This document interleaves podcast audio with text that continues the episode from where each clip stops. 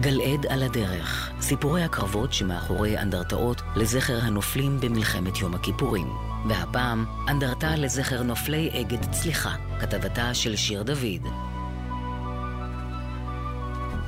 לרגעים, בימיה הראשונים של המלחמה, נראה היה שישראל נדונה לתבוסה, כאשר צבאות מצרים וסוריה פתחו במתקפת הפתע ביום הקדוש לנו ביותר בשנת תשל"ד. בין אלו שחוללו את שינוי פני המערכה בחזית הדרום ואת המהפך בתחושת ההנהגה והציבור, היו חיילי אגד הצליחה של חיל ההנדסה.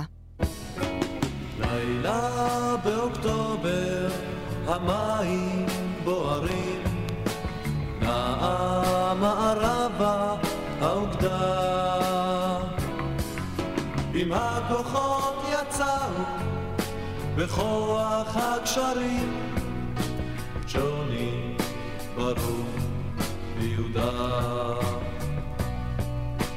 6 באוקטובר 1973, והמתקפה בחזית הדרום החלה. חיילי צבא מצרים צלחו את תעלת סואץ, הקימו לאורכה גשרים, כבשו כמעט את כל המעוזים בקו בר-לב, קו ההגנה הצה"לי, והשתלטו על שטחים בעומק סיני.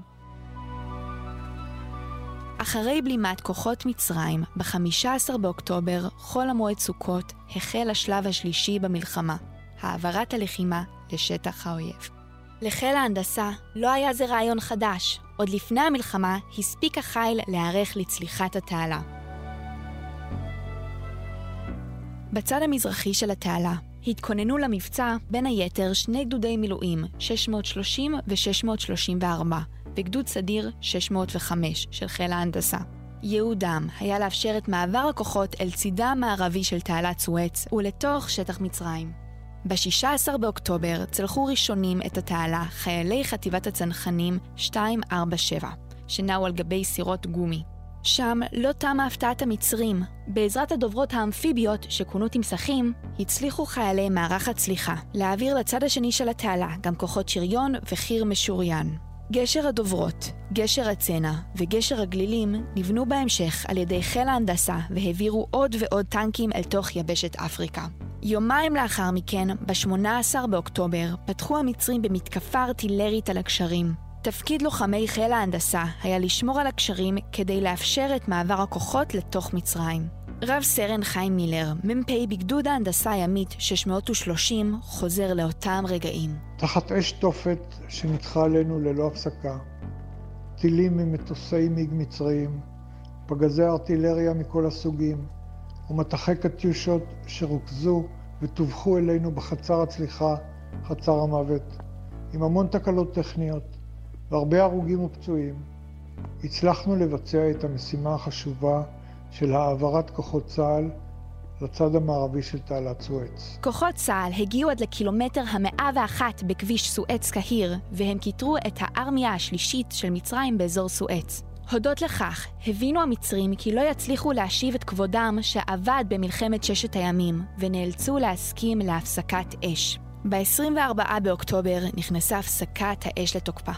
לחיילי אגד הצליחה של חיל ההנדסה, אשר אפשרו את צליחת התעלה, יש תפקיד ראשון במעלה בניצחון בחזית הדרום. במהלך קרבות אלה נפלו 36 חיילים מאגד הצליחה. רב סרן חיים מילר מספר: הניצחון הגדול הושג על ידי אנשים, אנשי מילואים, חיילים סדירים ששירתו במערך הצליחה של חיל ההנדסה. לא כלי הנשק ולא הברזלים ניצחו, אלא רוח האדם. הנחישות והדבקות במטרה במלחמה על הבית הם שהביאו להצלחת מבצע צליחת תעלת סואץ במלחמת יום כיפור. האנדרטה לזכר חללי אגד הצליחה ניצבת בקיבוץ זיקים ליד חוף הים והוקמה ביוזמת עמותת אגד צליחה הנדסה קרבית בצה"ל. במרכז האנדרטה הדוברה, שנפגעה במהלך המלחמה על שפת תעלת סואץ. גלילים מגשר הצליחה הראשי מונחים לצידי הדוברה. על אחד מהם ניצב לוח שיש, שעליו חרוטים שמות חללי חיל ההנדסה במלחמת יום הכיפורים. בראש הלוח סמל חיל ההנדסה, והפסוק מספר נחמיה, והים בקעת לפניהם, ויעברו בתוך הים ביבשה, ואת רודפיהם השלכת במצולות, כמו אבן במים עזים. גלעד על הדרך, כתבתה של שיר דוד, ייעוץ המחלקה להיסטוריה בצה"ל. את תיאורי האנדרטאות לזכר הנופלים ואת מיקומן אפשר למצוא באתר יזכור של משרד הביטחון.